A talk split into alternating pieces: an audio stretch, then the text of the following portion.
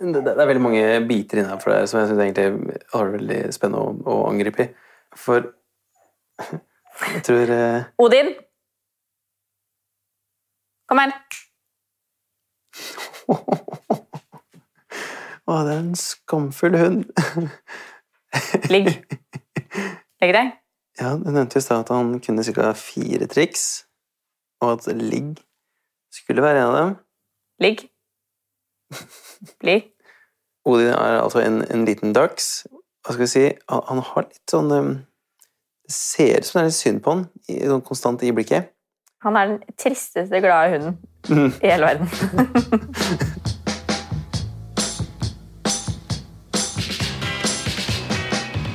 Hei sann, jeg heter Simen Strøm Bråten, og du hører på Folk om fortida.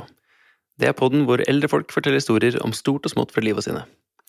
Og gjennom de aller, aller fleste episodene av podden så langt, så snakker vi som regel om forskjellene og likhetene mellom hvordan det er å leve i dag, med hvordan det har vært før i tida.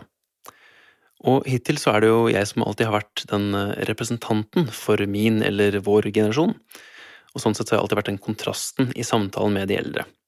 Så når for eksempel Sigurd i sesong én snakker om å finne kjærligheten under dansen på bygda, så kan jeg sammenligne det med måten vi bruker Tinder nå til dags. I dag derimot, da blir det andre baller. For hvis du hørte den forrige episoden, så fikk du med deg at eh, for første gang i poddens korte historie, så var det med noen som ikke er pensjonist, og som definitivt ikke er oppe i besteforeldrealderen, nemlig Hege Skarru. Så det her ble et lite eksperiment som jeg liker å kalle Folk om nåtida. For jeg tror at ved å ha med noen yngre folk en gang iblant, som en eh, kontrast til alle de eldre jeg snakker med, så får vi et tydeligere syn på det samfunnet vi lever i, gjennom folka som utgjør det. Og på engelsk så er det et ord som heter eh, juxtaposition, som handler om det å sette to ting ved siden av hverandre for å sammenligne eller skape en kontrast. Og når man gjør det, så får du ofte en bedre forståelse av begge tinga hver for seg. Og det er akkurat det jeg prøver å sikte meg inn på her. Så Hege og jeg vi har kjent hverandre lenge, og gikk faktisk på skole sammen i Kongsberg back in the days. Nå derimot er hun leder i miljøorganisasjonen Spire og bor i Oslo med bikkja si Odin, og det er mulig du hører han i bakgrunnen, for han var ikke så reint fornøyd med at han fikk så lite oppmerksomhet mens vi prata sammen. Men det er iallfall i leiligheten hennes på Grønland i Oslo hvor vi møtes denne dagen.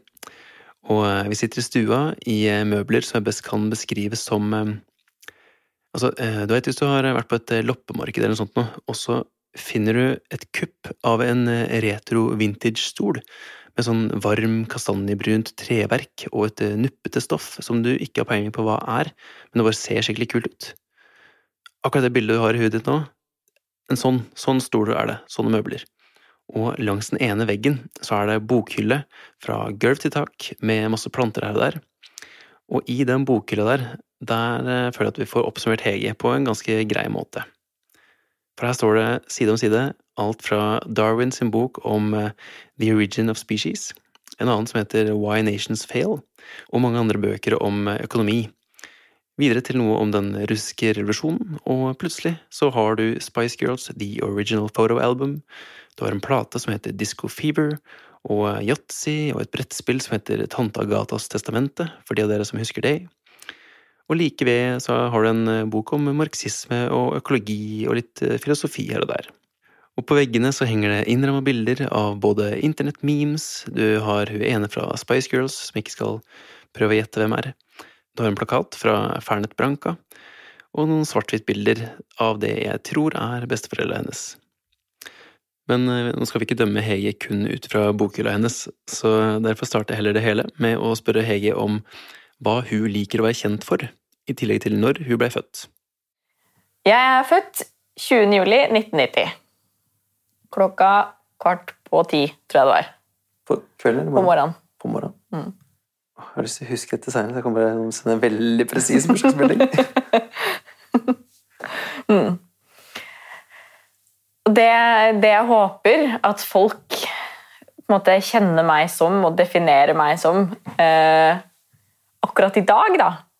Eh, I framtiden er kanskje noe annet, men i dag så håper jeg at folk ser for meg som en person med bein i nesa, men samtidig som er, en omsorgsfull eh, og sympatisk og empatisk person. Eh, men, men, likevel er, har en stå-på-vilje og er, er ambisiøs og er ganske smart. Jeg håper folk syns det er smart. Det er kanskje min største frykt er at folk syns det er dum. Ok, men hva kommer det av? Det er vel mange ting. Det er kanskje fra barndommen, f.eks. At man, eh, jeg hadde en søster som var ganske smart, og en far som på en måte både pusha oss på, på, det å være flinke på skolen, men også var litt sånn ja, han kunne være litt krass da, og få oss til å ikke føle oss så veldig smarte alltid. Og det gjorde at vi Ungdomsopprøret ble til at vi skulle vise at han tok feil. Eh, så kan hende han brukte litt omvendt psykologi der, hvem veit. Eh, men det funka jo.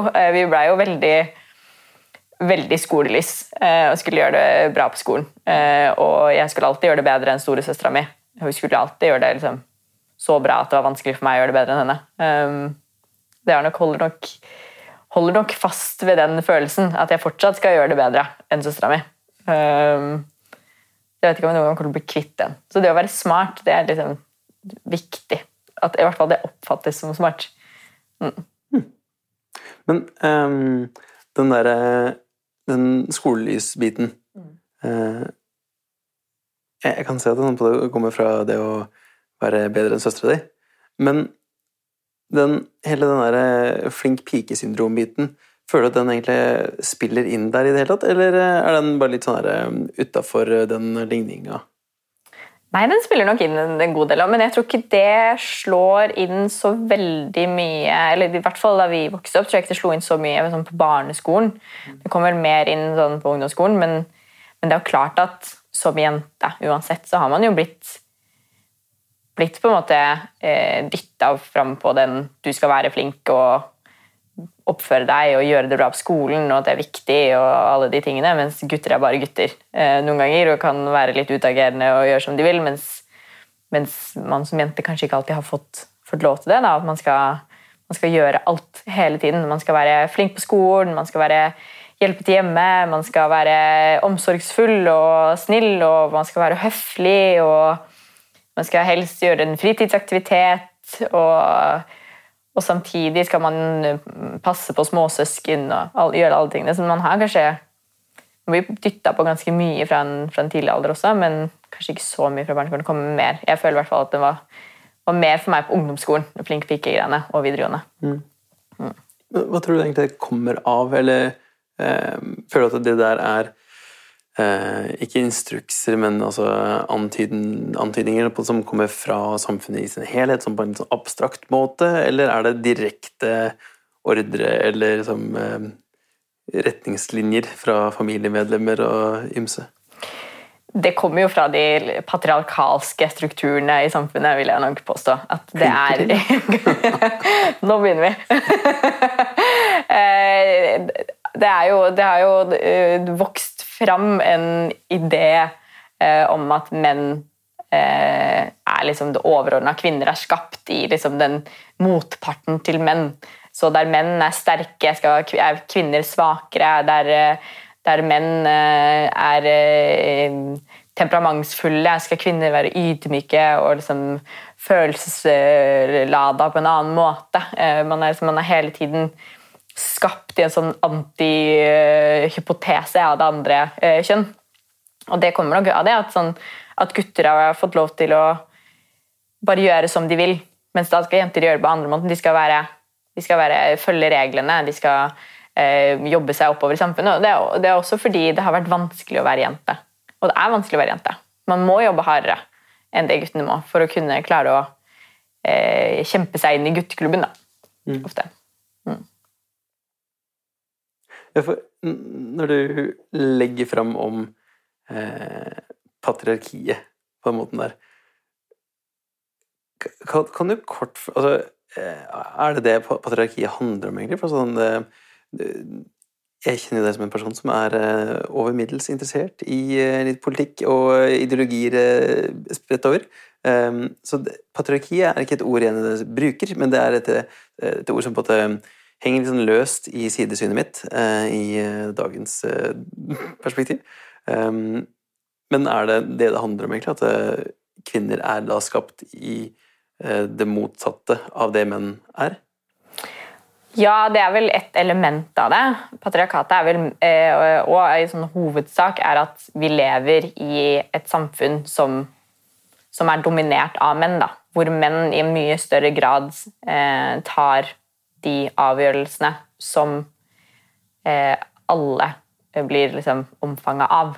Mm. Um, at man har bygget opp en, liksom, en kjerne av eh, hvite menn eh, som 50, eh, som, som, styrer skuta. Da. Eh, og når man da har så sterke eh, normer for hva det er å være mann eller kvinne, eh, sånn at det er veldig man kaller heteronormativt, eh, at man som mann skal være barsk og sterk, og man skal gå med albuene først og bryte seg fram. Og at det er, liksom, det er litt røffere. da. Det skal være litt røffere å være mann, mens med kvinner skal være mer sånn omsorgspersoner og ta vare på eh, hverandre. Så er det jo synd eh, at ikke kvinner slipper til på samme måten. For det verden virkelig trenger, er jo omsorg, og at man tar vare på hverandre. Ikke at man putter hverandre inn i utrolig liksom, strenge rammer og normer for hva det er å være et type kjønn. Eh, fordi det er jo det feminismen handler om, Det handler ikke om at nå skal vi eh, liksom rive ned alle menn fra deres høye stol eh, og ta over som kvinner. Eh, det er ikke det det handler om. Det handler jo om at man skal rive bort eh, kjønnsnormer, ikke folk. At man skal kunne være den man er, uansett hva det innebærer. Men at man ikke skal settes i en boks fra man blir født, mm. Eh, og det skal følge deg gjennom hele livet. Fordi er, både menn og kvinner taper jo på å leve under det patriarkalske systemet som man gjør. da, eh, Fordi man, man kan ikke bryte ut av normen eh, heller. Både som, som, mann og kvinne. Og alle andre kjønn derunder også. Jeg, jeg syns det er litt artig eller interessant å se på hvordan kanskje det, det kjønnsbildet der har egentlig utvikla seg over tid. For altså, eh, Hvis du ser på typisk sånn 50-tallet, eller noe, så var det jo veldig vanlig at det, det var både husmødre At eh, ja, damene tok, tok for seg alt som skjedde i hjemmet, og så måtte mennene gjerne skaffe penger og som fikk maten på bordet og sånn. Men en altså, nå, nå, prøver Jeg liker veldig godt den der friheten jeg har som sånn selvstendig næringsdrivende og sånn type ting, men for meg Det å kunne gjøre det hadde jo ikke vært mulig på samme, på samme måte. Tidligere, hvis jeg hadde vært i, noen, i en familiesetting hvor jeg måtte liksom, få maten på bordet og eh, måtte ha liksom, jevn flyt med penger hele tida, da kan du ikke liksom, ta de samme karrieresjansene som du kanskje ville gjort ellers, for å kanskje få den selvrealiseringa, eller det å, kunne bare gjøre det du har lyst til. Eh, så jeg kan se for meg at det, for, for, meg så har i hvert fall det vært kanskje en Det har vært en måte å se feminisme på som gjør at det er noe større som jeg kan stå bak. altså eh, at det ikke bare er, som du sier, at det er eh, ja, så det, er ikke bare å, å løfte opp damer og, og, knuse menn, men heller det å jevne ut mulighetene. Eh, og det at menn har ikke heller samme, har ikke de mulighetene som man gjerne vil ha dersom man må leve innenfor det liksom, strikte systemet om at man må komme med maten på bordet og sånn. Uh, hvis man skal holde fast i de, de tradisjonene der, så vil jo det føre til også ganske sånn strengt Eh, rammeverk da, fra menn sin side, egentlig. Um, så jeg synes det er spennende å se på hvordan det der har egentlig utvikla seg. Mm. Men hvordan ser du egentlig på det sånn nå kontra tidligere? For jeg antar at du har hørt om, om det er besteforeldra dine, eller Ja.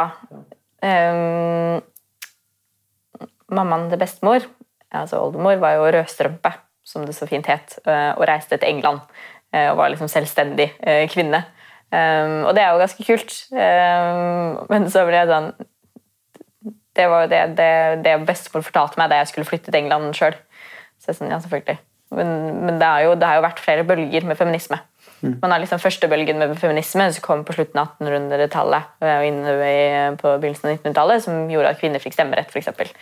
Og så har man en uh, en andre bølge med feminisme som kom på, på 60-tallet, da man fikk p-pille og man jobber for, for for mer rettigheter for kvinner, da, at kvinner skal komme seg eh, opp og fram i samfunnet også på en helt annen måte. Og så har man nå en mer sånn tredje bølge med feminisme, hvor det er mer de kjønnsnormene og, og interseksjonaliteten. At det skal ikke bare være en, en sånn flat tanke på hva feminisme er heller. Man må se på at det har mange forskjellige deler i seg. Eh, at det er, eh, det er klasseforskjeller, det er eh, religiøse forskjeller. Det er forskjeller på hvor man, altså etniske forskjeller. Um, kulturforskjeller. Det er mange forskjellige aspekter som må inn i feminismen også, som man kanskje ikke har sett på tidligere. Og kjønnsforskjeller også. F.eks. trans er jo et kjempestort diskusjonstema innad i feminismen nå, og det ville det aldri vært før. Mm. Um, så det er på en måte den diskursen som er feminisme, hvordan den har endra seg, men også samfunnet har jo endra seg likeså. Man ser jo at ja, kvinner har jo mer toppstillinger nå. Eh, man ser jo at eh, det har fått et litt sånn backlash også. Nå er det jo menn som på en måte pusher tilbake og sier at eh, kvinners likestilling har gått for langt. Nå, nå blir kvinner prioritert overfor oss til å få arbeidsplasser som vi, vi burde få fordi man har kjønnskvotering f.eks. Som egentlig bare er høl i huet. Fordi forskning viser jo at kvinner faktisk må studere hardere enn menn og jobbe hardere. Og at det fortsatt er liksom, Ser man på toppjobber i næringslivet eller politikk, og sånne ting, så er det jo fortsatt menn som dominerer. Så det har jo gått veldig seint, egentlig. Mm. Uh, men jeg tror kanskje akkurat det du beskriver, som en sånn Den selvrealiseringen man har tid til nå, det er nok kanskje den som er den som er sårest. Fordi kvinner er ikke avhengig av at en mann jobber for at hen skal overleve lenger. Mm. Man kan gjøre det selv. Man kan fint finne de mulighetene til å, å leve i et annet type samliv eller liv enn det man har gjort før. Da. Eh, som kanskje kjennes ganske sårt, og som, som, gjør at kanskje mange menn føler at de ikke blir prioritert på samme måte lenger. Det ikke trengs. Så det er der det liksom, den trykker, men så kommer det ut på en annen måte. At det er heller sånn, Men de tar jobbene våre. Det er litt sånn som med, med innvandring. Det er sånn, de kommer og tar jobbene våre. Men det er ikke der skoen trykker. Det er noe annet. Det er fordi man ikke man ser hverandre ikke i samfunnet lenger. Da. Man har ikke man, Det er kanskje en annen del av det, men man jobber så mye hele tiden. Det er så mange andre ting som skjer. Vi jobber jo oss i hjel. Vi jobber jo åtte, ni, ti timer hver eneste dag. Man har ikke tid til å liksom, ivareta relasjoner på samme måte som man hadde før, kanskje. For eksempel. jeg kan snakke, kan egentlig snakke litt om den biten der. for altså det med eh, Jeg snakka med en som heter Harald, mm. eh, og han snakka om akkurat det her med at eh, nå, nå må vi ha vi, vi har så lite tid til alt det mellommenneskelige, på en måte. Eh, for vi legger igjen på jobben, for eksempel. Og man, man er så travel hele tida at man, man, har ikke den derre følelsen av å ha god tid, eller å kunne ta seg tida til ulike ting, da. Eh, men ja, jeg syns det er spennende å se på, egentlig. For altså det, det, med at eh, vi har mulighet til å kanskje gjøre mer av det vi har lyst til å gjøre, enn vi noensinne har hatt. Eh, men vi har ikke følelsen av at vi har tid til det. Vi, har, altså vi, er, vi er for travle til å kunne gjøre det vi har lyst til å gjøre, selv om vi har muligheten til det. Men uh, hvordan ser du egentlig den uh, litt sånn kontrasten der? Jeg tror nok at jeg er ganske enig i at den, man har ikke tid til å kanskje ha de mellom, mellommenneskelige relasjonene på samme måten som før, fordi man jobber mye. man har men kanskje man har lang reisevei til jobben, så er man på jobb i åtte, ni, ti timer, og så skal man reise tilbake igjen. Så skal man på butikken, så skal man lage middag, og så skal man eh, Om man har en familie, så skal man være med den familien, eh, men så er det jo en helt annen setting kanskje enn hva det har vært før. Um, at man, det, er liksom, det er mye skolepress eksempel, på barn, så man, man leser mye. Eller man skal på fritidsaktiviteter og sånne ting. Kanskje det er langt unna. Vet ikke. Men, men det jeg tror er det, kanskje det verste, er det at vi har ikke noe tid til selvrefleksjon. Det er kanskje der det mangler ganske mye. At man har ikke tid til å stoppe opp og tenke på hvordan er det egentlig jeg har det, både i livet mitt, men også i samfunnet. Er dette det samfunnet som egentlig er det beste? Man blir fora med med informasjon og tanker fra alle andre hele tiden gjennom sosiale medier eh, nå, at, at, man tar seg ikke tiden til å lage sine egne tanker lenger. Man jobber hele tiden, og så er man på sosiale medier, og så kanskje man ser på TV, eller sånt, men man, ikke, man, setter seg ikke ned og faktisk reflekterer over, over livet sitt eller samfunnet. Mm. Og de, de, store spørsmålene som man kanskje gjorde før. Da. At vi har, ikke, vi har ikke tiden til å gjøre det lenger, fordi vi blir liksom bare styrt av en sånn annen hånd enn oss selv. da. Hmm. Ja, det er interessant. For altså, hvis du da ser på eh, altså, det, det, blir liksom du sier at man, man fyller de lommene da, med tid som man vil, ellers ville eh, altså, jeg, vet ikke om man ville brukt alle de ledige rommene til eh, selvreflektering, men eh, noe av det iallfall. Mm. Og jeg tror litt derfor akkurat det med å, å kjede seg egentlig er en veldig sunn ting. At du istedenfor å bare scrolle nedover Instagram eller veien, som er tilfellet, at du rett og slett bare tar litt til takke med å bare stå i den køen og bare sånn Ja, være. Mm. Eh, og bare blomstre litt, eh, istedenfor å ja, altså bli underholdt til enhver tid. da. Vi fòrer oss selv med konstant informasjon. Om det er på sosiale medier, om det er en podkast når vi går fra og til jobben, eller om det er musikk, eller hva enn det er. At vi, informasjonen er så utrolig tilgjengelig at vi tar den så for gitt også. Um, og at vi tenker at det er, det, det er, den, det er en del av. Så som jeg starta med, at For meg så er det viktig å være smart. Så det er viktig for meg å sitte på mye informasjon som egentlig er bare helt tullete. Hvem bryr seg? Det er jo bare jeg som bryr meg om om jeg er smart eller ikke. Mm. Uh, og det er jo en ytre faktor som gjør at jeg syns at det er viktig. Um, men at det er, og det er det, det vi får hele tiden, er de ytre faktorene. At man skal være noe som man får fra en ytre faktor også. og Hvordan, liksom, hvordan er det man egentlig putter det inn i sitt dagligliv? Hadde man hatt mer tid til å reflektere, hadde, man, hadde for jeg kanskje lagt det mer fra meg den der, at for meg er det viktig å være smart. Fordi det egentlig ikke betyr noen ting. Det som betyr noe, er jo de menneskelige relasjonene man har, eller, eller hvor liksom fint man har det med seg selv. Mm. Hva om folk tenker at jeg er smart eller ikke, skal jo ikke ha noen ting å si. Men kanskje i det samfunnet vi lever i nå, så lever vi i en sånn i en syklus, da. En konstant syklus. Man står opp, man drar på jobben, man er på jobb, drar hjem, eh, lager mat, trener kanskje, ser på TV. Og så gjør man det om og om igjen. Og så på, I helgene så drar man kanskje ut og kjøper de tingene man så på TV, eller de tingene man så på sosiale medier, eller man går og drikker seg full for å liksom ha noe å gjøre, noe å leve for. Man lever for helgen. Man har liksom det er, er det virkelig det samfunnet vi vil ha? Vil vi virkelig ha et samfunn hvor det vi gjør, er å leve for helga? Det er kanskje ikke helt det samfunnet jeg tenker er riktig heller. Og, og, det er det, da. Skal vi, skal vi kunne klare å komme oss ut av den klimakrisa og miljøkrisa som vi er i nå, så må vi starte å snakke om hva slags samfunn er det vi skal ha. Er det samfunnet vi har nå, er det virkelig riktig? Men å ta de samtalene når man er dødssliten etter jobb, det er ikke så veldig kult. Da må man være nesten privilegert for å ha tiden til å kunne ta de tankene. Eller gi rom for de tankene. At man har ikke den muligheten i et vanlig eh, ja, arbeiderklasse, nedre middelklasseliv, eh, middelklasseliv, har man, ikke, har man ikke de mulighetene. Eh, og da er det kanskje liksom, Da blir man bare styrt da, av de kreftene og den hånden som man ikke ser hele tiden, fordi man har ikke tid til å tenke over at ikke det er riktig. Og så tenker man at den hånden den kommer til å fikse de problemene, fordi den har jo fått oss hit vi er i dag. Vi har det jo dritbra på mange måter. Men de måtene er ganske ytre. Man ser jo at flere og flere i samfunnet får jo angst, depresjoner. Hundene våre går på, Det er flere antall hunder som går på lykkepiller nå enn noen gang. på en måte. Det er Hvor langt skal man dra den? Hvor, hvor mange materielle goder må vi måtte, smykke oss med for at man skal eh, skjønne at dette her var kanskje ikke helt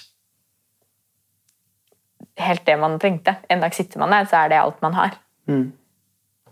Hva er det man får igjen for det? Og jorda brenner rundt der, liksom. Ja. Mm.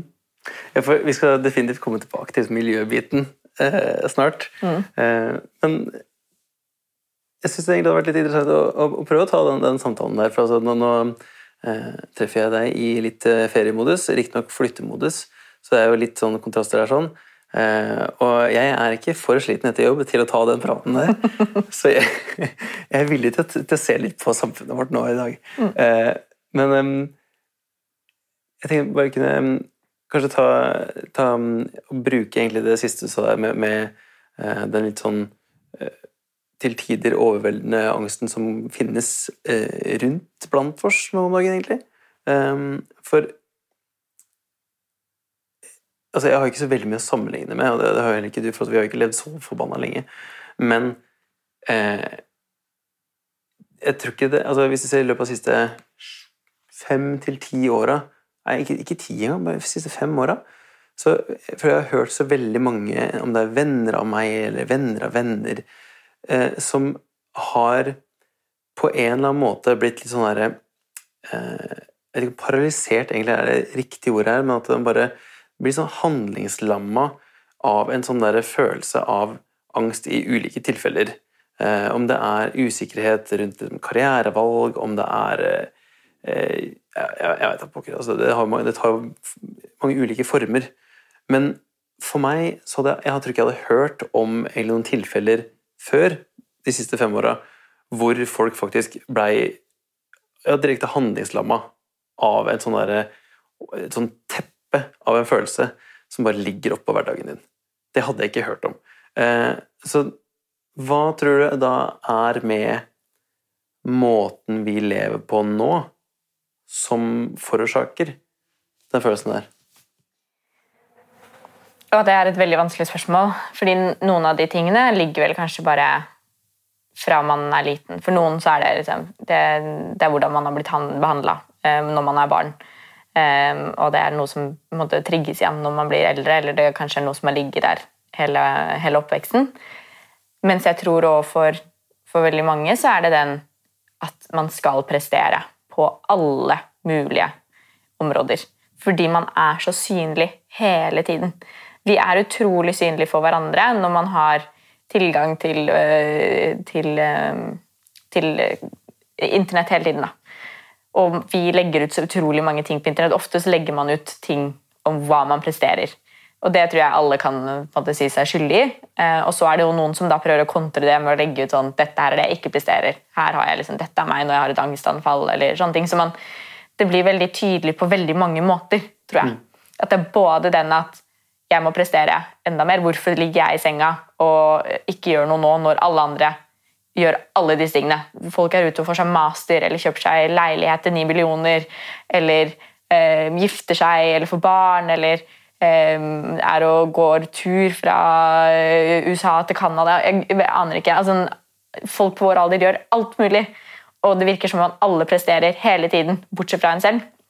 Man får en sånn derre angst så fort man ikke gjør noen ting.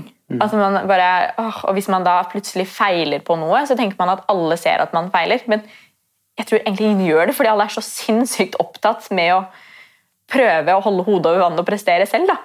At Man egentlig ikke, man legger ikke merke til hva andre gjør. Så er det sånn, og det er nesten litt deilig for folk når folk ja, Hvis folk stryker på en eksamen, så er det sånn ah, takk Gud, åh, det er andre som også kan gjøre noe feil.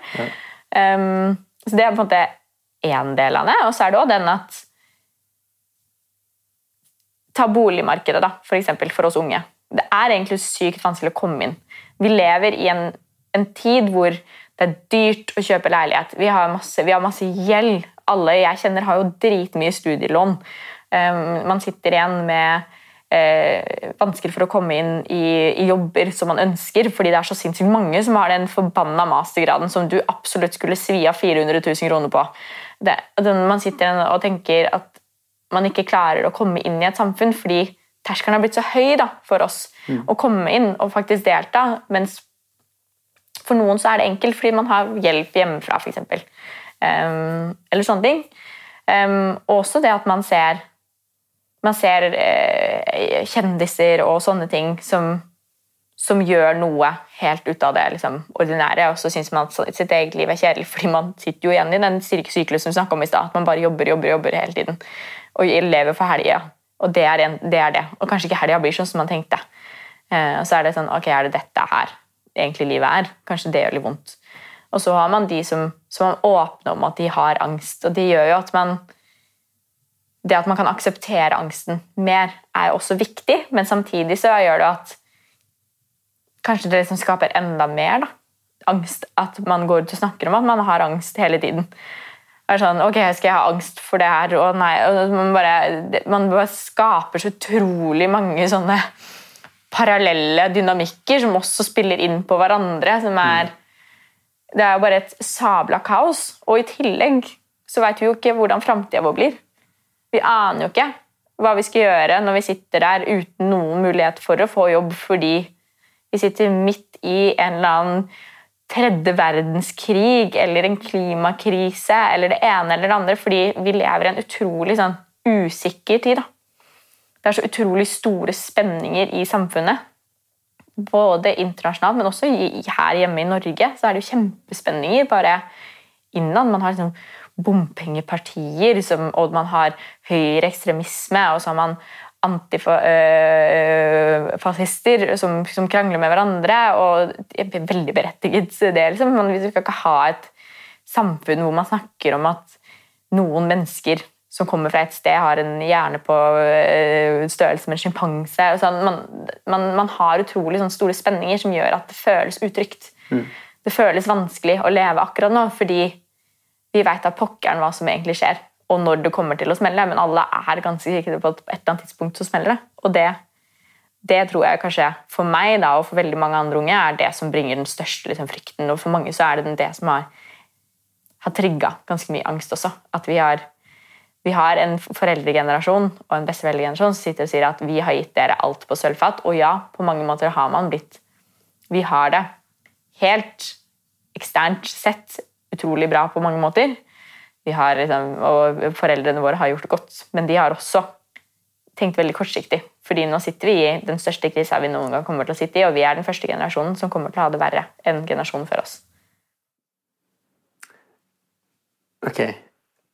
Du sa at uh, vi kommer til å være den første generasjonen som kommer til å ha det verre enn den som er før oss.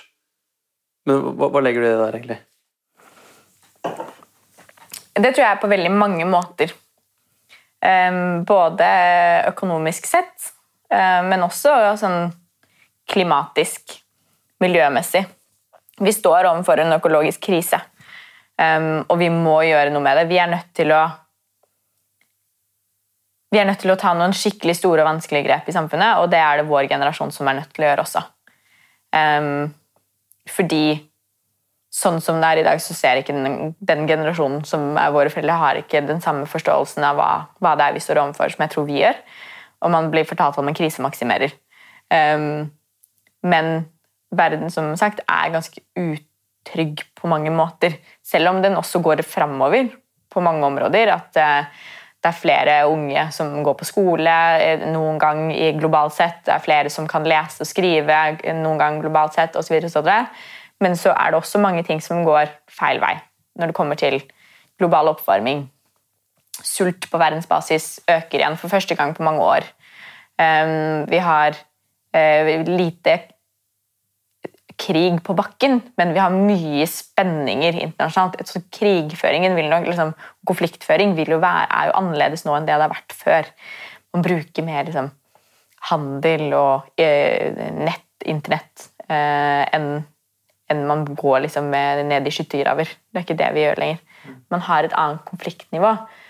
Um, så det er vel den utryggheten er en del av det å ha det verre, tror jeg. Um, men også det at vi kommer til å Og vi har det allerede. Vi har liksom på en måte dårligere råd fordi det er dyrere å leve nå. Um, og det er vanskeligere å komme seg inn på ting. Og så er det òg når det kommer til miljø og klima, som er den største, er nok det det blir vanskeligst med. Fordi vi står overfor kjempestore endringer. Og det viser den sommeren i fjor, og det viser også den sommeren i år, med hetebølger over hele Europa. Nye varmerekorder overalt. Ja, det er digg å kunne ligge på Sørenga og bade mange dager på rad, men samtidig så har det en ganske tydelig bismak, fordi det er klimaendringene som kommer, og det er, det er vi som rammes av det, fordi vi mister livsgrunnlaget vårt. Og det er også de fattige som lever i dag, som også rammes av det. Som allerede har, er marginalisert, som ikke har det samme liksom, livsgrunnlaget som vi, vi har.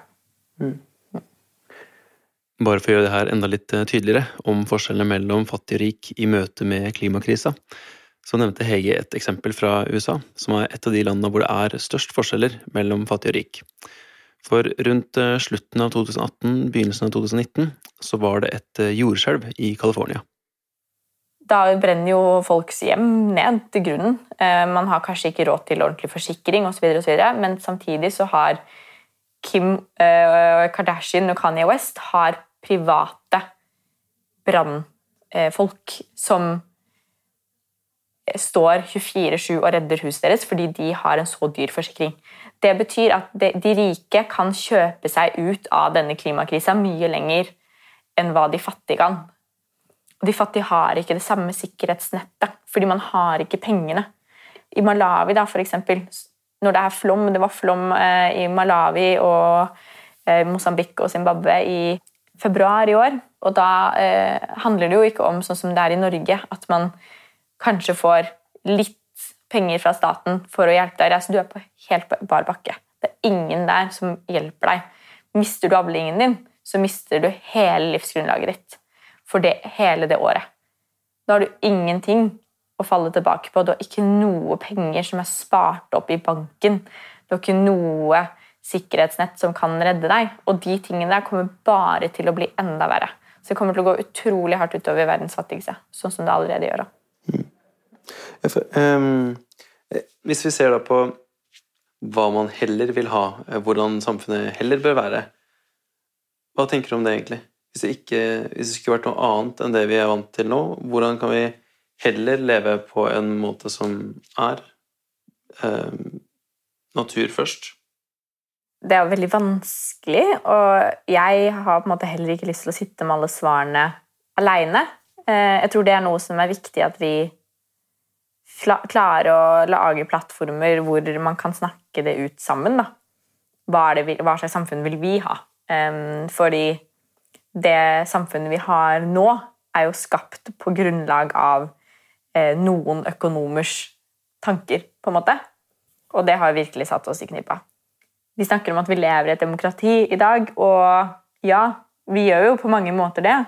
Vi har stemmerett, vi kan gå og stemme. Men er vår stemme like mye verdt som det f.eks. Eh, olje- og gassindustrien er? Kanskje ikke alltid den er det. Det som da er viktig, er å ha et samfunn hvor alle kan delaktig være med og eller være delaktig i å skape det samfunnet og designe det vi skal ha i framtiden. Um, det kan ikke bare være økonomer og samfunnsvitere og samfunnsøkonomer eller samfunnsgeografer eller hva enn det er. Det må være alle. Det må være bønder, fiskere, uh, vaskere, rørleggere. Det må være alle yrkesgrupper, alle mennesker som ikke har en, en formell yrkesoppgave eller Altså, alle må være med å bidra. Og det er vanskelig å få til, men jeg tror at det er den eneste måten vi kan virkelig klare å få til et godt, godt system på. da. Og klare å nå en bærekraftsrettferdig verden, fordi vi da har de kjempevanskelige samtalene som er hva slags, hva, hva, okay, hva slags bedrifter er det vi skal ha i framtida, da? Hva slags verdigrunnlag skal vi ha i framtida? Hva skal livskvalitet være? Hva er livskvalitet for oss, egentlig? Er livskvalitet bare det at man har tilgang til å ha hårføner, strykejern, alle de tingene enkelt? At man har den der, man enkelt liv på den materielle måten? Eller er det det at man kan ha en trygghet i at jeg kan få barn i dag fordi jeg vet at de kommer til å ha det bra om 50 år? Er det den livskvaliteten de egentlig trenger? Bare et par uker før jeg møtte Hege den dagen her, så hadde jeg lest en bok som heter Verdirevolusjon, som eh, kort fortalt handler om hvordan måten vi lever på, påvirker naturen rundt oss. Og den boka er skrevet av Erik Damman, som for øvrig starta miljøorganisasjonen Framtiden i våre hender, og vi snakker mer om de ideene som tas opp i den boka der i eh, den forrige episoden, i episode seks. Men noe som jeg syntes var veldig spennende, var det her med hvordan vi alltid strever etter å få det vi ikke har, og hvordan det blant annet er et resultat av den økonomien som vi lever i. Og når vi for eksempel begynner å virkelig hverdagsliggjøre kjempeprivilegier som på en måte flyr til andre sida av jorda og sånn, og bare eh, at det er noe som er helt sånn nesten allment og, og hverdagslig, eh, da lever vi jo langt over evne. Altså, vi lever langt over det vi egentlig eh, kan unne oss å gjøre. Og det har jo en litt sånn negativ spiral, for, altså, eller en, en, en ettereffekt, da, for, altså, fordi da dem som ikke har råd til det, men som eh, strever etter å komme opp på det nivået, vil da egentlig bli hengende igjen, hengende igjen da, med en litt sånn ja, Man føler seg som et slags sånn dårligere menneske omtrent, fordi du ikke har mulighet til å gjøre de tinga som det kanskje virker som det er selvfølgelig at du gjør. Og det, det, det kommer egentlig litt tilbake til det du snakka om tidligere, om både sosiale medier, og hvordan vi konstant liksom sammenligner oss sjøl med andres glansbilder og liksom de høydepunktene fra noens liv, selv om du samtidig er veldig bevisst over dine egne drittdager, rett og slett, eh, og hva du på en måte er i stand til. Ehm, men ehm, når man har den der litt sånn onde sirkelen da, om at dem som har muligheten til å leve over evne, og som kan både farte rundt i øst og vest og bare kose seg med all den reisinga, gjør det, og forårsaker da det mye um, forurensning på den måten. Um, mens de som blir hengende igjen, sitter igjen med både det mentale aspektet av det, hvor det er en større påkjennelse. Og Sånn sett så føler jeg at samfunnet vårt både jobber mot hverandre. Eller det bare, det bare krasjer.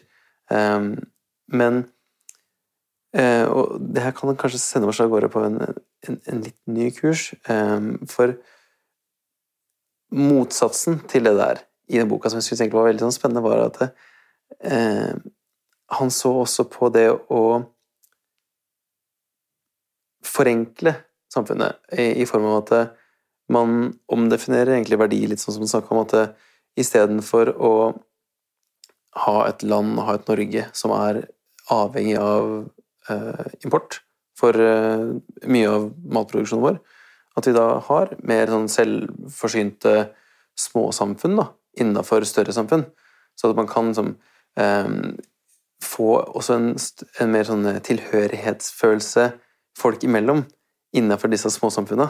At eh, hver enkelt rolle i samfunnet har en større betydning. For sånn som det er i dag, så kjenner man jo ikke til naboene sine omtrent. Og eh, hvis du ser nå, nå, er jeg på en lang sånn, Ikke digresjon, men det er en, det er en fin sak. Eh, for hvis du ser på, på gravlunder og sånn, så kan du se at det, her har du på en måte postmann eller ingeniør var en sånn tilfelle. Det er tydelig definerte roller som var viktige i det samfunnet. Men i dag så er det bare sånn her spredd. Er, man har ikke like stor respekt for om det er bonden eller om det er snekkeren. eller sånt noe. For det er egentlig større skiller enn det man kanskje antar, vil jeg tro. Jeg vet ikke hvordan du føler på det her sjøl, men uh, skal prøve å kaste meg inn i det lange snøret du har ja, kasta ut her. Ja, ja. Eh, hvis, hvis, jeg skal spisse, mm. så kan jeg gjerne kaste deg inn på den eh, alternative måten som man kan leve på. Um, for uh, ja, det er jo definitivt ting man kan gjøre i byene og i hverdagen vi, vi lever i i dag, som faktisk kan gå mer overens over den levemåten, kontra jetsetter-livet uh, hvor man drar i høy og på det. Det som er viktig å huske på i det samfunnet vi lever i i dag, da, um, sånn som det er nå, er jo at for å, for å, dra, for å dra, den småsamfunnsdelen inn i den store liksom, debatten, er jo at den økonomien og den økonomiske strukturen vi lever under, den er basert på liksom, individer. Og derfor har man blitt mye mer segregert fra hverandre også. Fordi man hele tiden skal eh, måte, maksimere egennytte, som man kaller det. Mm. Man skal hele, tiden måte, passe på seg eh, og kanskje sine, sine liksom, primært nærest Um, altså Man skal passe på seg og, og det man føler er liksom sin nære flokk. Uh, og Der kan man dra liksom Per Fugelli og snakke om å ta vare på flokken sin. Og det kan man dra inn i det Erik Damman snakker om om småsamfunn også, er at man må liksom se på det se på flokken sin som noe større. da. Og legge om hvordan vi jobber sammen for å ta vare på hverandre. Altså, flokken min er jo eh, verden nå i dag, og også i morgen. Så for meg så er det viktig at, at, at jeg har et fokus som er å ta vare på, på den store flokken. Eh, og det er jo det man må jobbe med. Og det tror jeg er veldig viktig å gjøre i sånn type småsamfunn også. For det er jo, man ser jo det å bo i by, der er man veldig fremmedgjort fra alle andre. Fordi man ja, man kjenner ikke postmannen, man kjenner ikke rørleggeren, men det er også fordi man har så mange andre typer jobber, sånn bullshit jobs, da, som, som, er i byer også. Mer enn det man har i småsamfunn. Fordi i småsamfunn i distriktene så har man bygd opp samfunn rundt jordbruk eller fiske, f.eks. Og når man bygger opp samfunn rundt det, så er det ok, hvis man skal ha jordbruk, så må man også ha noen som kan for reparere traktorer, eller man trenger kanskje også en møller som kan eh, jobbe der, eller en slakter osv. Sånn, det er det man tradisjonelt har gjort. At, at de primærnæringene, de viktigste forvalterne av ressursene våre, de har vært med på å drive hele den utviklinga framover. Men så er det på, på et sted i, på veien så har vi tatt et litt sånn skille eh, og begynt å å jobbe eh, etter den industrielle revolusjonen. Da, og begynt å jobbe mye mer i, i byer. Man har bosatt seg mer byer, jobber for fabrikker, og man har etter hvert utvikla en modell eh, i samfunnet hvor man er bare sånn Ok, nå er det alle for seg selv. Man skal ha friheten til å kunne jobbe for seg selv og sine nærmeste. Men det er jo ikke det som er frihet for meg. Frihet er jo det å kunne leve et godt liv sammen med andre mennesker og ta vare på samfunnet. Det handler jo ikke om det du snakka om, da, om å hele tiden leve over evne og hige etter å bli noe enda bedre. Men det er jo det som har blitt symbolet på frihet. Amerikanske drømmen handler jo om det. At man skal ha friheten til å kunne jobbe seg opp og bli styrterik. Men det er, det er jo bare en bløff i seg selv. Man har bare blitt lurt til å tro at det er frihet. Frihet handler om å å ikke leve over evne og kunne eh, gi tilbake igjen til generasjonene som kommer etter seg, og de menneskene som lever på jorda også i dag. Eh, og ikke måtte utsette andres frihet, er for meg frihet. Eh, men nå gjør vi jo ikke det. Vi, eh, vi lever jo på en måte som som betyr at vi for to dager siden, 29. Eh, juli, hadde noe som heter Earth Overshoot Day. Det betyr at 29. juli i år så hadde vi brukt opp alle de ressursene som vi egentlig har liksom, i, i, budsjettet vårt for 2019 på hele jordkloden. Så det er i slutten av måneden i slutten av den syvende måneden i et tolv måneders løp har vi brukt opp alle de ressursene vi egentlig kan bruke i løpet av et år. Globalt sett. Norge hadde vel sin overshoot day i april-mai. Skulle alle levd sånn som vi lever i Norge, så hadde vi trengt 3,5 jordkloder per person. Det er ganske sykt. Mm. Og derfor tenker jeg at man skal ikke være så jævla redd for å endre på de store systemene. Fordi man skal være jævlig redd for å ikke gjøre det. Så jeg tror absolutt det å, å se på å lage samfunnet på en helt annen måte og leve mer i, i tråd med naturen, er viktig. Men ofte så blir det argumentet kontra med at folk tror at man skal tilbake til middelalderen. Eh, og det er aldri noen som har snakka om at vi skal tilbake til middelalderen, men vi er nødt til å se på og jobbe mer med naturen enn hva vi gjør i dag. Og det er Den endringen må til. Enten så endrer vi oss fordi på en kontrollert måte, med oss selv ved roret, eller så kommer eh, verden til å endre seg uten at vi har noen som helst kontroll over det. Og det ser vi at skjer allerede. Vi står midt i klimakrisa. Det er ikke noe som skjer om 50 år. Vi snakker om at vi skal holde oss under eh, to graders global oppvarming eh, fram til 2030. Um, ehm, eller lenger enn det. At vi skal nå noen globale mål da, eh, innen 2030. Men de målene er liksom det burde vi jo nå ha nådd for lenge siden. Det er jo ikke et mål i seg selv å ikke gå over en grense. Det er en grense vi snakker om, det er ikke et mål. Um, så vi er nødt til å vi er nødt til å forstå at vi nå har én grad global oppvarming. Og hvis vi skal holde oss under to grader global oppvarming, så kommer det til å ha kjempestore konsekvenser også. Og kommer til å endre samfunnet vårt uansett om vi vil eller ikke.